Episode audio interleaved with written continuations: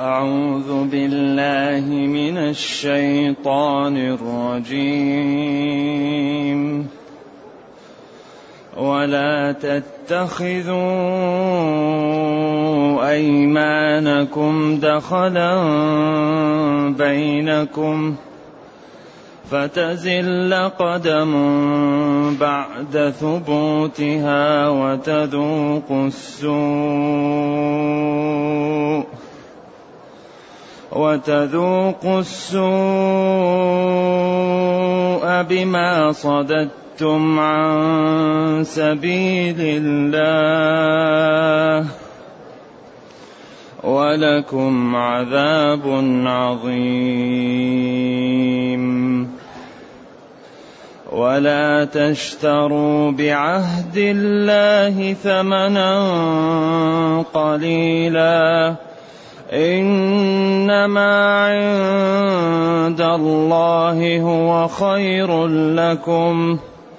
إنما عند الله هو خير لكم إن كنتم تعلمون.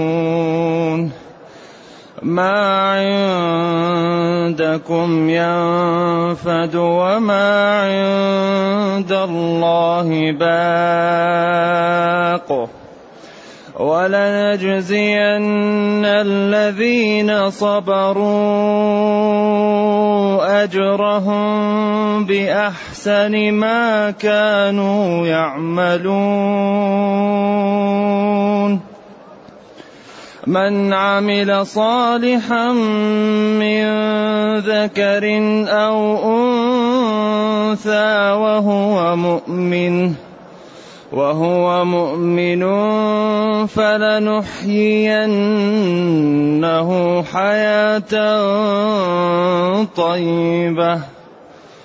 فلنحيينه حياة طيبة ولنجزينهم أجرهم ولنجزينهم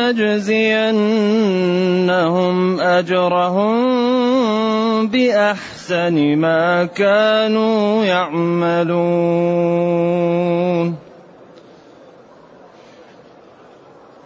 الحمد لله الذي أنزل إلينا أشمل كتاب وأرسل إلينا أفضل الرسل وجعلنا خير أمة أخرجت للناس. فله الحمد وله الشكر على هذه النعم العظيمة والآلاء الجسيمة والصلاة والسلام على خير خلق الله وعلى آله وأصحابه ومن اهتدى بهداه. أما بعد فإن الله تعالى ينهى أن يجعل الإنسان أيمانه مانع له من الخير. ولا تتخذوا أيمانكم دخلا بينكم فتزل قدم بعد ثبوتها. يعني هذا يدل على أن هذا الذي عملوه ناس أظهروا الإسلام أو كانوا مسلمين. لا تتخذوا أيمانكم دخلا يعني إفسادا فيما بينكم. كراهة أو لئلا تزل قدم بعد ثبوت هذا تعبير عمن كان في الخير فتحول منه إلى الشر. زلت به قدمه إذا وقع في إيش؟ ورطة. ولك أيوة. إذا لا تجعلوا أيمانكم يعني إفسادا لأموركم آه، لكي لا يقع أحدكم في ورطة بسبب هذه الأيمان.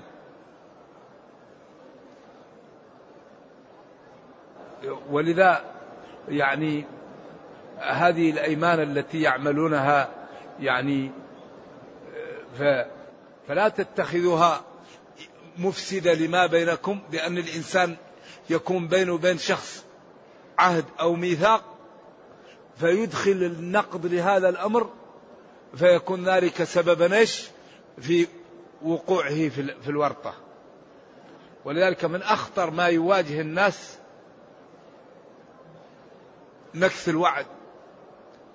يعني ثلاثة في المنافق إذا إذا إيش؟ إذا وعد أخلف. وإذا تمن خان.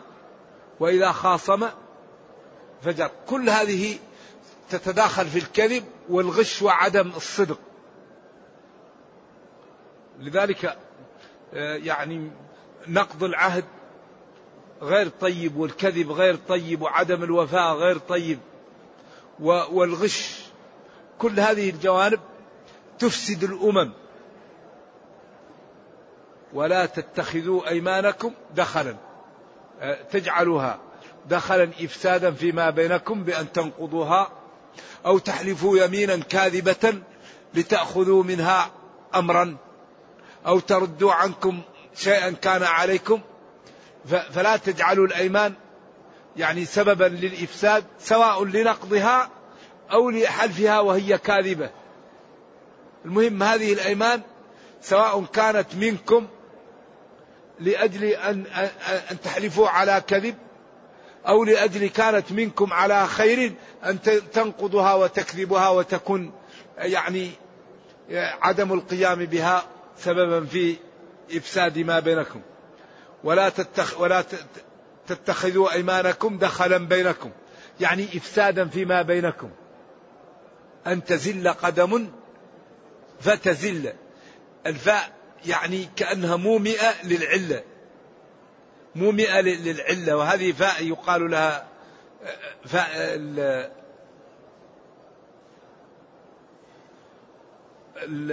المومئة إلى إلى الأمر. مثل سهاء فسجد.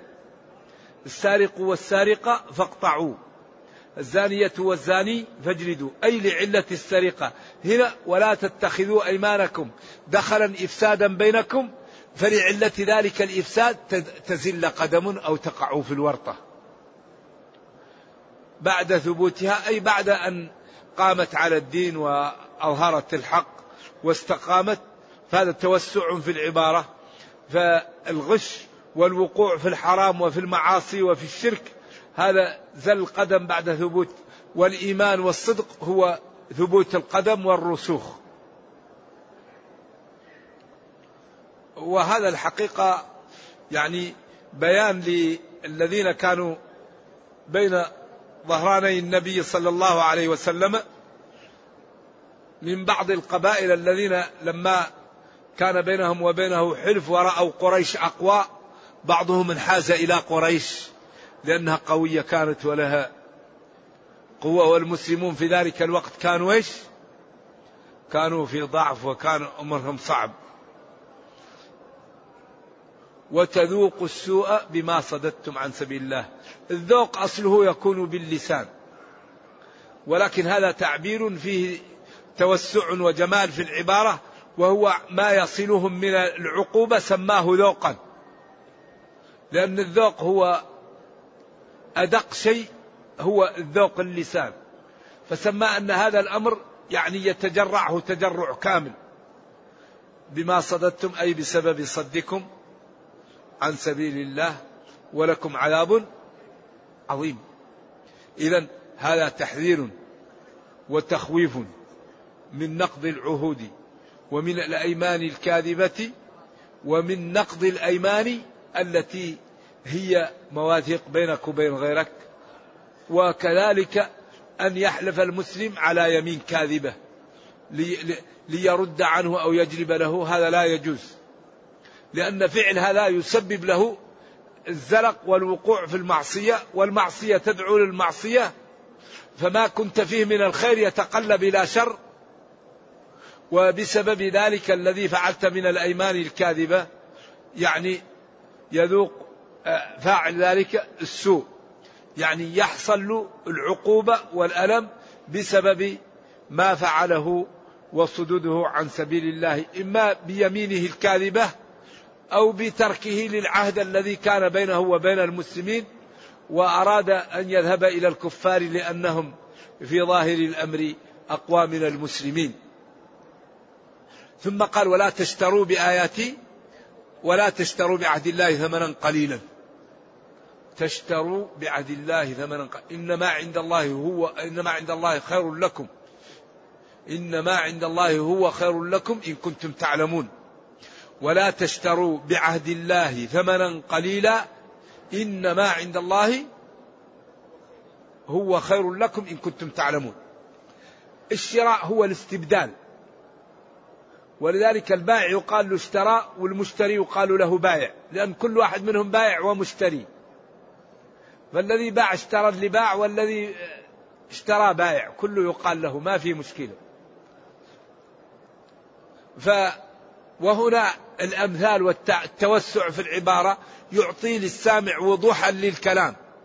فكأنه جعل الدين سلعة والقرآن شيء ثمين وجعل ما يناله الإنسان من عرض الدنيا من رشاء أو من جاه أو من أمور آنية سلعة.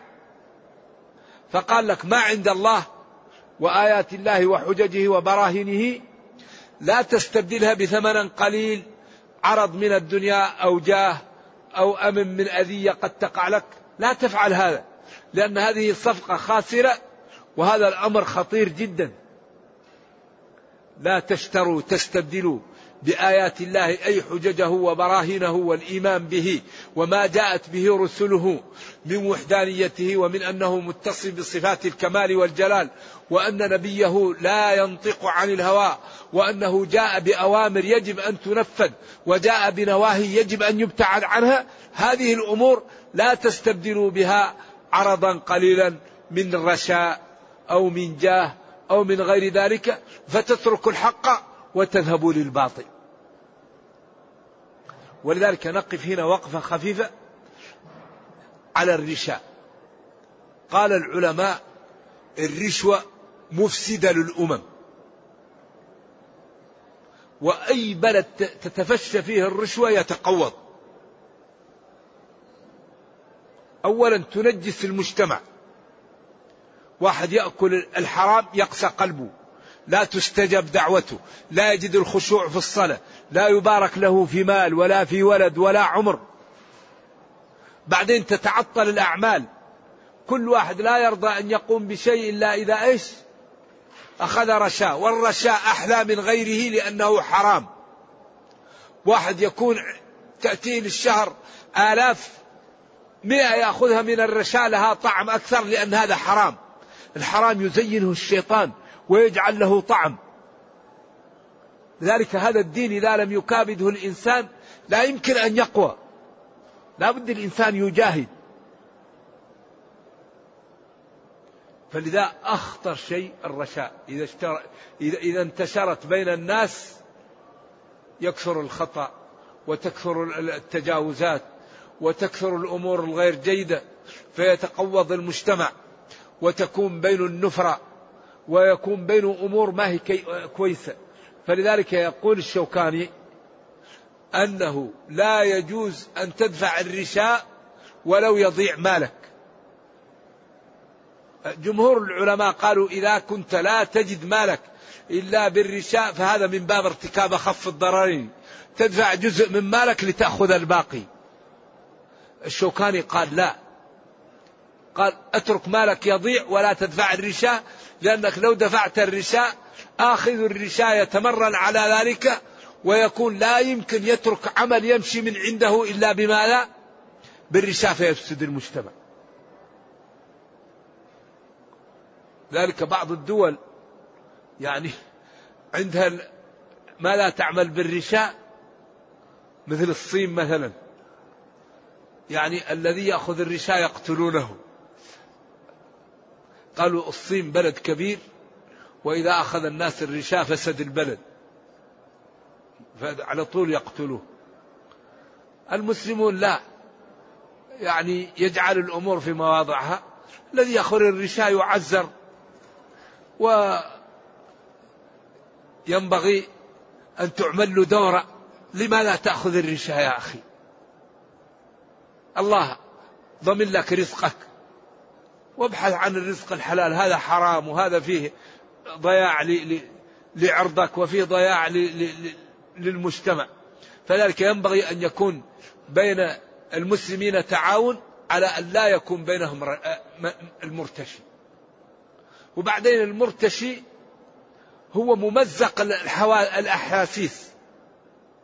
لأنه إذا راح لبيته وأراد أن ينام فإذا هو مرتشي.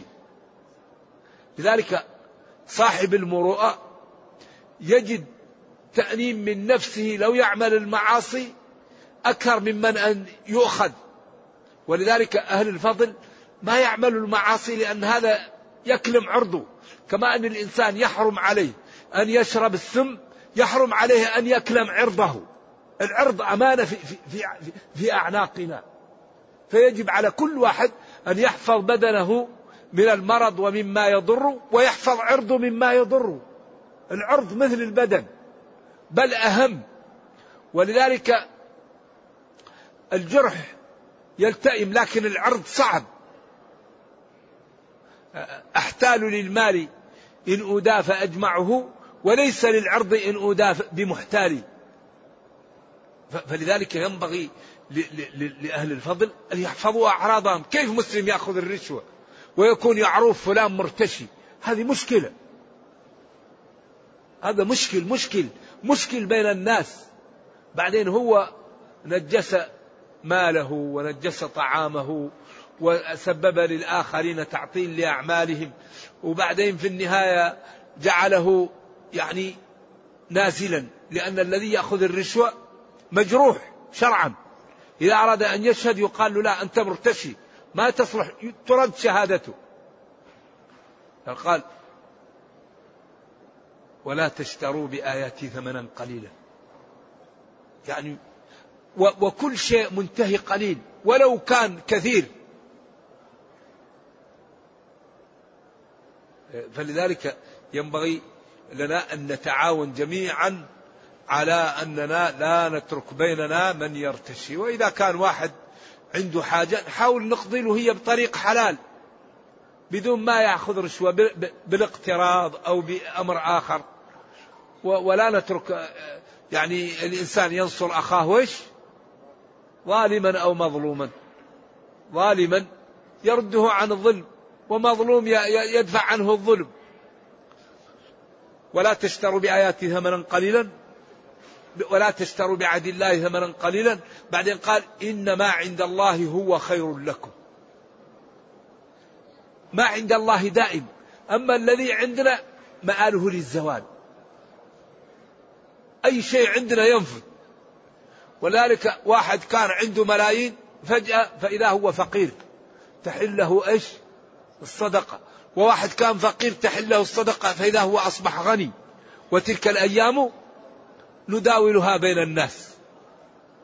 واحد يكون فقير يصبح غني واحد غني يصبح فقير واحد قوي يصبح ضعيف واحد جاهل يصبح عالم. هذه أمور الله يغير الأحوال. ولذلك الذي يبقى ما عند الله.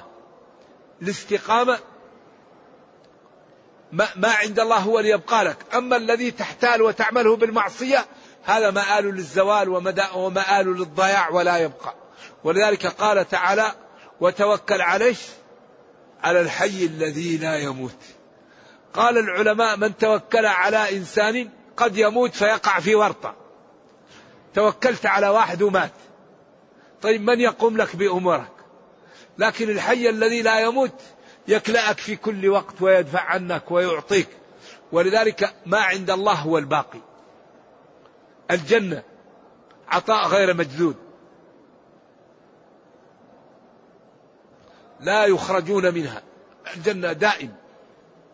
أما أمور الدنيا كلها تزول. مرض صحة فقر غنى سرور حزن. إن ما عند الله هو خير لكم. إن كنتم أي إن كنتم تعلمون هذا فيه تحميس وتحفيز. إن كنتم تعلمون فاحذروا. الأمور الزائلة تكون هي اعتمادكم. وإنما يكون اعتمادكم الأمور الباقية. ذلك كان نبينا صلى الله عليه وسلم يريد دائما الأمور الآخرة. قال اتقوا النار ولو بشق تمرة. شاه ذبحوها ويقال إنهم قسموها. قال لم يبق منها إلا إيش؟ عظم. قال كلها بقية إلا عظم. ما لك من مالك إلا ما تصدقت فأبقيت. تصدقت فأبقيت. اللي تصدقت به هذا باقي رصيد. أو أكلت فأفنيت. أو إيش؟ أو الأبست فأبليت. وبعدين أيكم مال وارثه خير يخت... غيره أختار عن ماله. قال كلنا مالنا يختار. قال لا كلكم تختارون مال وارثكم ما يبقى هو مال غيرك وما تأخذ هو مالك. والإنسان أن يرث أن يترك ورثته أغنياء خير من أن يتركهم عالة يتكففون الناس. لكن يحاول الإنسان يسدد ويقارب يقدم شيء لنفسه ويترك شيء إذا كان عنده إمكانية لورثته. وأهم شيء يقدم عدم المعاصي لأن هذا اللي ينفعه. إذا لم يقدم أمامه معاصي ما عليه مشكلة. لكن إذا كان في معاصي والأخص ظلم الناس ظلم الناس هذا الذي مشكلة. الظلم ظلمات يوم القيامة. لذلك الظلم لا بد صاحبه لا بد صاحبه يعفو. يجيك. يقول لك أعطيني حقي. يوم القيامة ما فيه فلوس. ما فيه إلا حسنات. فيأخذ الدائنون حسناتك إذا حاول من الآن ما تخلي عليك إيش؟ ديون. تدعو لهم. تطلبهم السماح. تترك. تترك أعراض الناس. ما لك ومال الآخرين. من من يعجبك صاحبه ومن لا يعجبك تجنبه يا أخي. هل الله تعبدنا بسب فرعون؟ هل سمعتم الله يقول سبوا فرعون؟ سبوا هامان. سبوا قارون. الله ما تتبعنا بسب ما, ما تعبدنا بسب الكفار. فنترك المسلمين. من عمل صالحا فلنفسه ومن أساء فعليها. ما لنا وما للاخرين وإن كان ولا بد نقول فلان قال كذا. في كتابه كذا. أو في درسه كذا. أو في شريطه. وهذا القول خطأ بدليل كذا وكذا. ولا نتهم النيات. ولا نكون قصده لأنك ما تعرف قصده نقول هذا القول خطأ بدليل كذا وكذا. ونحكم الألفاظ. أما النيات وما في القلب هذا لا يطلع عليه إلا الله. أبدا. كم من إنسان تراه لا يتظاهر بالدين ويوم القيامة تراه يكون ساجد وقائم وهو لا يريد أن يظهر هذا للناس. وكم من إنسان تراه وتقول هذا في وعياذا بالله ويوم القيامة يدور في النار كما يدور إيش؟ حمار برحاه أعوذ بالله. تندلق أقتابه. يقال له ألم تكن تأمر بالمعروف وتنهى عن المنكر؟ يقول نعم كنت آمر بالمعروف ولا آتيه وأنهى عن المنكر وآتيه قال العلماء لأن الأمر بالمعروف والنهي عن المنكر طريق سلامة محققة لا يضر.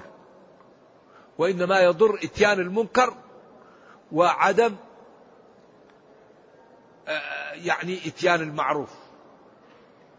إتيان المنكر وترك المعروف هذا الذي يسبب المشاكل. ولا تشتروا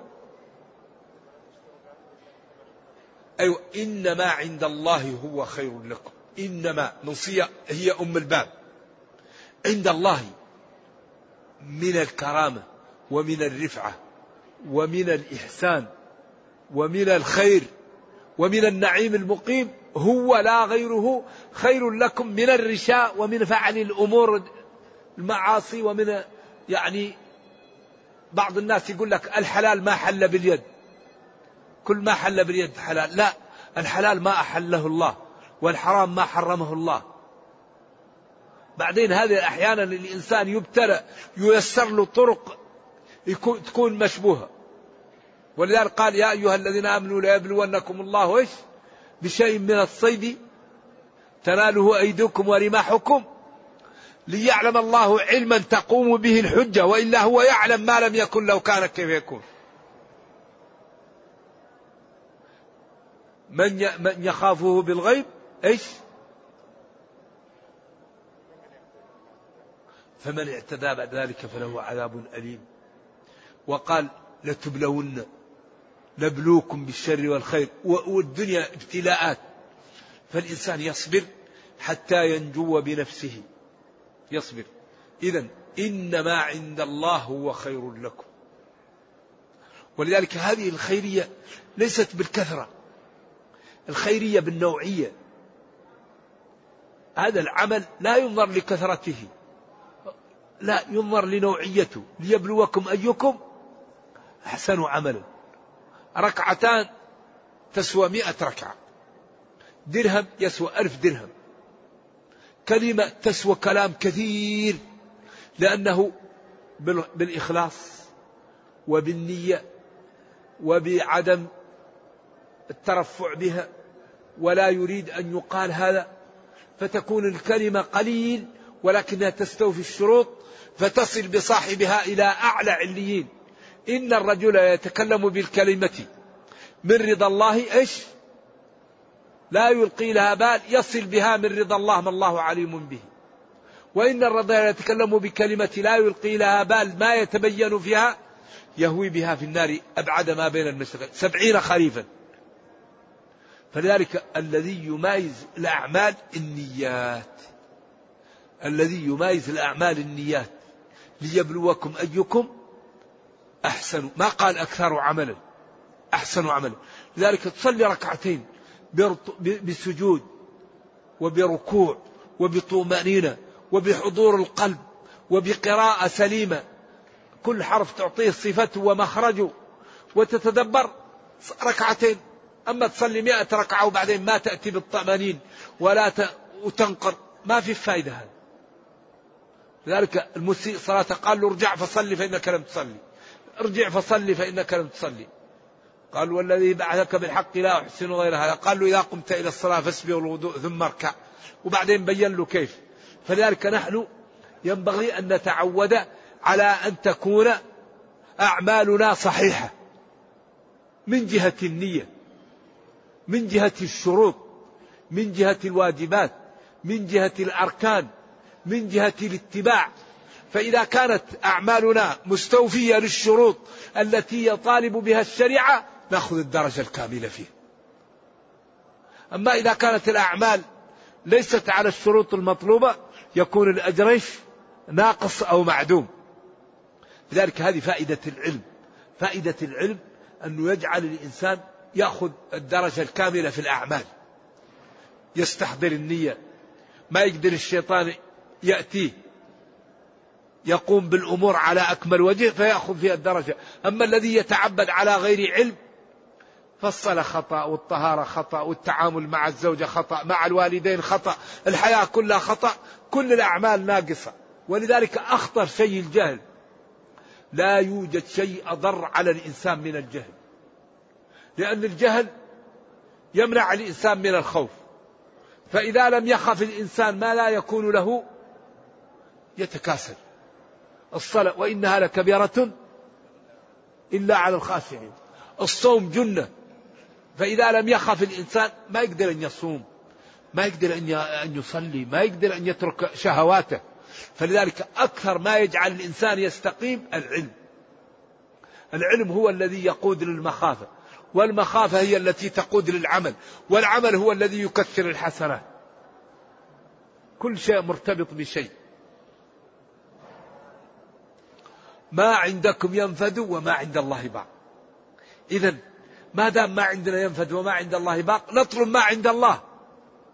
وإن الدار الآخرة لهي الحيوان لهي الحياة الباقية لا تزول هي السعادة.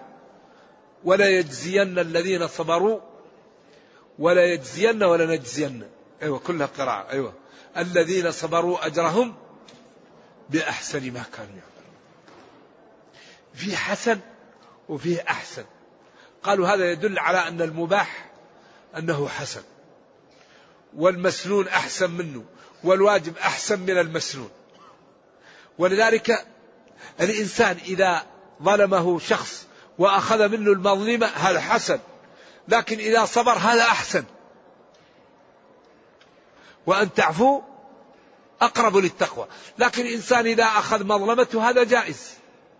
لكن إذا إذا إذا هذا حسن لكن إذا عفا هذا أحسن. إيه. ذلك هذا الدين دين الإسلام دين رائع. وفيه من من المنافع والمصالح والمتع ما لا يعلمه إلا الله. بس لا بد أن نعطيه الوقت. مشكلتنا أن كل واحد يقول لك أنا مشغول. كيف تنشغل عن دينك؟ كيف تنشغل عن القرآن؟ كيف تنشغل عن سعادتك؟ كيف تنشغل عن سبب دخولك الجنة؟ إذا كل واحد منا لابد أن يجعل وقت لهذا الدين للقرآن خاصة. لأن القرآن إذا تدبرناه نجد فيه السعادة العزة الرفعة المتعة أسلوب عجيب. كل فضيلة يأمر بها القرآن وكل رذيلة ينهاك عنها القرآن. يرفع همتك يسعدك يجعلك لا تنظر إلى السفاسف الأمور.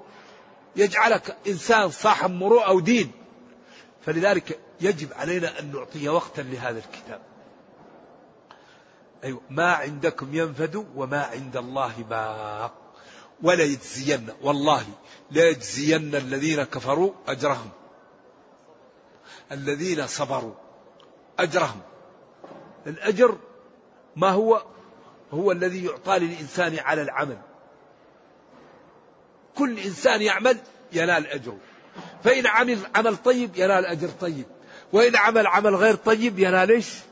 أجر غير طيب. ولذلك قال أوفوا بعهدي إن الله اشترى. تدفع تربح تنام تخسر. ذلك الذي يريد العزة يطيع الله.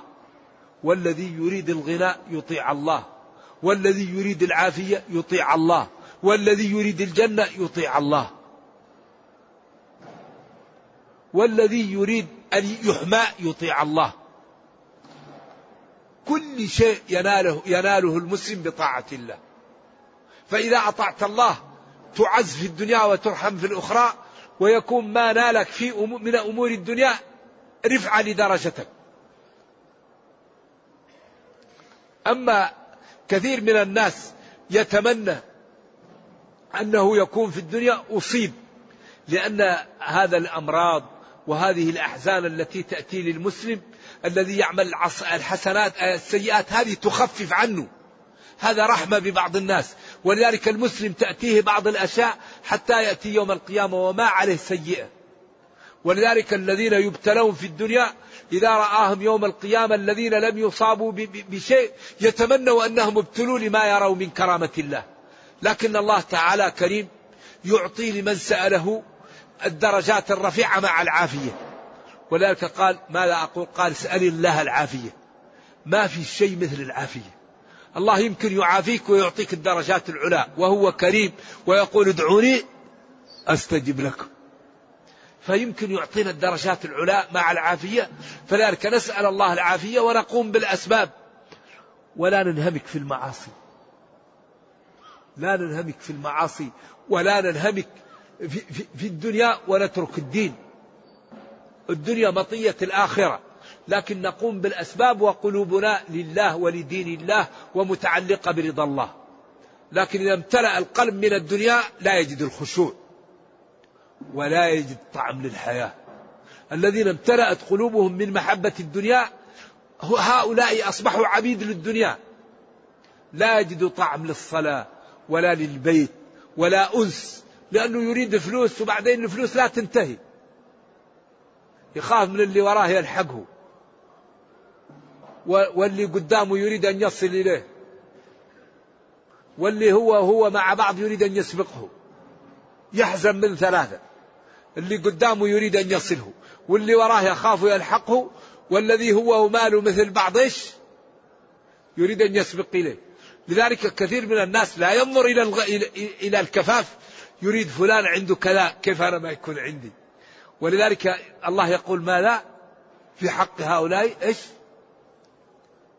أنهم ألهاكم إيش؟ التكاثر. أما الإنسان إذا كان يريد المال لينفقه في سبيل الله ليسد حاجته لكي يعف نفسه يعف من حوله يساعد المسلمين لا حسد إلا في اثنتين. رجل أعطاه الله مالا فسلطه على هلكته ورجل أعطاه الله علما فهو يقوم به آناء الليل وأطراف النهار. لكن الذي يكون عنده المال وهو لا ينفقه ويحزن في النهار يشتغل وفي الليل حزين. لكي لا يأتي لهذا المال حريق أو جائحة أو مشكلة. في النهار يشتغل وفي الليل يحزن. أصبح هذا المال ورطة له.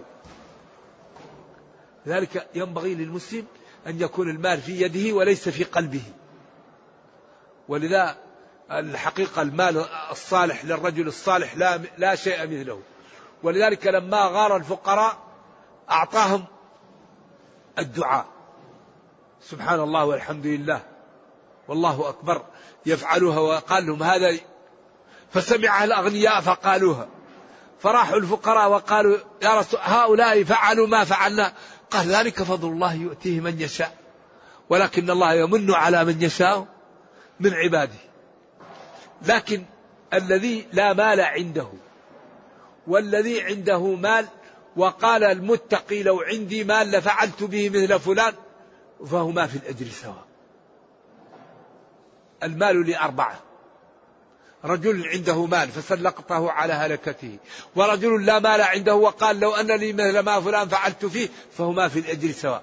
ورجل عنده مال ولا فقه عنده فعمل بماله في المعاصي وواحد لا فقه عنده ولا مال عنده فقال لو أن لي مال لفعلت فيه مثل هذا فهما في الوزر وسواء. لذلك إنما الأعمال بالنيات. إذا إذا التقى المسلمان بسيفيهما فالقاتل والمقتول في النار. قالوا هذا المقتول فما بال هذا القاتل فما بال المقتول؟ قال إنه كان حريصا على قتل صاحبه. ذلك ينبغي المسلم أن يمتلأ قلبه من النية الطيبة ومن فعل الخير وأنه إذا قدر يفعل إذا لم يقدر يكون دائما عنده حسنات. الذين عندهم الجنة وتنادوا إيش؟ مصبحين أن اغدوا على حرثكم إن كنتم صارمين فانطلقوا وهم يتخافتون. أن لا يدخلنها اليوم عليكم مسكين فغدوا على حرد قادرين فلما رأوها بعدين ما وجدوا شيء انحرقت ولم يجد شيء. فلذلك الإنسان دائما لا ينوي إلا النية الطيبة لأن النية الطيبة خير من العمل. ينوي بإخوانه بنفسه بأقربائه ولا يضمر سوء ولا يعمل سوء. فإن الإنسان يرى ما ينوى بإذن الله تعالى. يعني إذا ما عند الله هو الباقي وما عندنا ينتهي. إذا نعتمد على ما عند الله ونلجأ إلى الله ونسأل الله ونتصدق ونعمل لأجل الله. من عمل صالحا من ذكر أو أنثى وهو مؤمن. ولنجزين الذين صبروا أجرهم بأحسن ما كانوا يعملون. الذين صبروا على طاعة الله. عن معاصي الله. على أقدار الله. الصبر ثلاثة أنواع. الصبر على الطاعة على الصوم على الصلاة على برور الوالدين. الصبر عن المعصية عن الربا عن النظر الحرام عن الكلام الحرام عن الشهوات المشبوهة. الصبر على أقدار الله لأن الإنسان إذا عاش لا بد أن يناله ما لا يحبه كما قال البخاري. البخاري قال إن تعش تفجع بالأحبة كلهم وذهاب نفسك لا أبا لك أفجع. الإنسان إذا عاش يفقد أحبته أو يموت هو. إذا إما أن يموت أحبته أو يموت هو. هذا لما نعي له أحد العلماء قال هذا البخاري. إن تعش تفجع بالأحبة كلهم. وذهاب نفسك لا أبا لك أفجع. إذا ما الحل؟ الاستقامة. ما في حل في الدنيا إلا نستقيم. نترك المعاصي ونفعل ما نستطيع من الواجبات. وما أردناه الله يعطينا إياه. والله لا يخلف الميعاد. إذا أليس هذا واضحا؟ إذا ما أردناه والله يعطينا إياه. ونستقيم. أوفوا بعهدي وفي بعهدكم. إن الله لا يخلف الميعاد. هل شيء فيه أوضح من هذا؟ أوفوا بعهدي أوفي بعهدكم. لئن أقمتم الصلاة وآتيتم الزكاة وآمنتم برسلي وعزرتموه وأقرضتم الله قرضا حسنا لأكفرن عنكم سيئاتكم ولأدخلنكم جنات تجري من تحتها الأنهار. ما في. كل شيء واضح. إذا الحل الاستقامة. لا يقول واحد آه والله دين بينه ورسولنا وضح لنا وكل واحد يأخذ من نفسه لنفسه قبل أن يفوت الأوان. وليجزين الذين صبروا أجرهم بأحسن ما كانوا يعملون. لذلك قالوا إن المباح حسن والمندوب أحسن والواجب أحسن. إذا كله. من عمل صالحا؟ من؟ للمفرد وللتثنية وللجمع. صالحا يدخل فيه شهادة لا إله إلا الله وإماطة الأذى عن الطريق. كل هذا يدخل في الصالح. من ذكر أو أنثى. إذا هنا المرأة والرجل من ناحية التشريع كلهم له ذمة وإذا طاع الله يدخل الجنة وإذا كفر يدخل جهنم. أعاذنا الله من ذلك. إذا من ذكر أو أنثى. وهو مؤمن. شوف عمل صالحا. من ذكر أو أنثى وهو مؤمن. صالح هنا تحمل يعني ركنين. الركن الأول المتابعة. لأن الذي لم يتابع لا يكون تام الصلاح. ويكون مخلص فيه لله. ويكون مؤمن. الصالح يشترط فيه ماذا؟ أن يكون فيه متابعة. من عمل عملا ليس عليه أمرنا فهو رد. وأن يكون مخلصا لله فيه لأن من أشرك معي غيري تركته وشركه. وإن الله من أشرك لا يقبل منه عمل. إذا من عمل صالحا من ذكر أو أنثى وهو مؤمن. فلنحيينه حياة طيبة. التحقيق نعطيه الرزق الحلال ونعطيه السعادة والذكر الطيب ونوسع له في أموره ونجعل له الذكر ونجعل له يعني المنزلة والرفعة بين الناس بدليل قوله ولنجزينهم أجرهم بأحسن ما كانوا يعملون يوم القيامة فإذا قلنا نحيينه حياة طيبة المقصود بها الآخرة لكان الكلام فيه إيش؟ تكرار. إذا المحققون قال من عمل صالحا من ذكر أو أنثى وهو مؤمن فلنحيينه في الدنيا حياة طيبة نعطيه الرزق الحلال والذكر الطيب والسعادة والاحترام وبعدين نعطيه الجنة يوم القيامة. أي شيء أعظم من هذا؟ إذا لا عذر لنا بعد البيان. وبعد هذا الإيضاح وبعد هذه النصوص الواضحة التي بينها لنا ربنا و وأمر نبيه أن يوضح ما أجمل فيها. فالحقيقة الفرصة سانحة لنا. نحن الآن لا زلنا في الدنيا. هذه أكبر نعمة. نحن الآن في الدنيا. من تاب تاب الله عليه. ومن عمل الحسنة بعشر أمثالها. ولا يهلك على الله إلا هالك. يغفر الذنوب جميعا. فالمبادرة المبادرة. لا الواحد يقول بكرة نتوب بكرة نعمل. لا من الآن. تم من الآن وافتح صفحة جديدة. وما أردته يعطيه الله لك. لأنه قادر وغني وكريم ولا يضيع أجر من أحسن عملا. قادر. أمره إذا أراد شيئا أن يقول له كن فيكون. وعالم لا تخفى عليه خافية. وكريم يقول ادعوني أستجب لكم. فلنطع الله وما أردناه يعطيه الله لنا. نرجو الله جل وعلا أن يرينا الحق حقا ويرزقنا اتباعه وأن يرينا الباطل باطلا ويرزقنا اجتنابه وأن لا يجعل الأمر ملتبسا علينا فنضل. سبحان ربك رب العزة عما يصفون وسلام على المرسلين والحمد لله رب العالمين والسلام عليكم ورحمة الله وبركاته. إن شاء الله نجيب على الأسئلة غدا.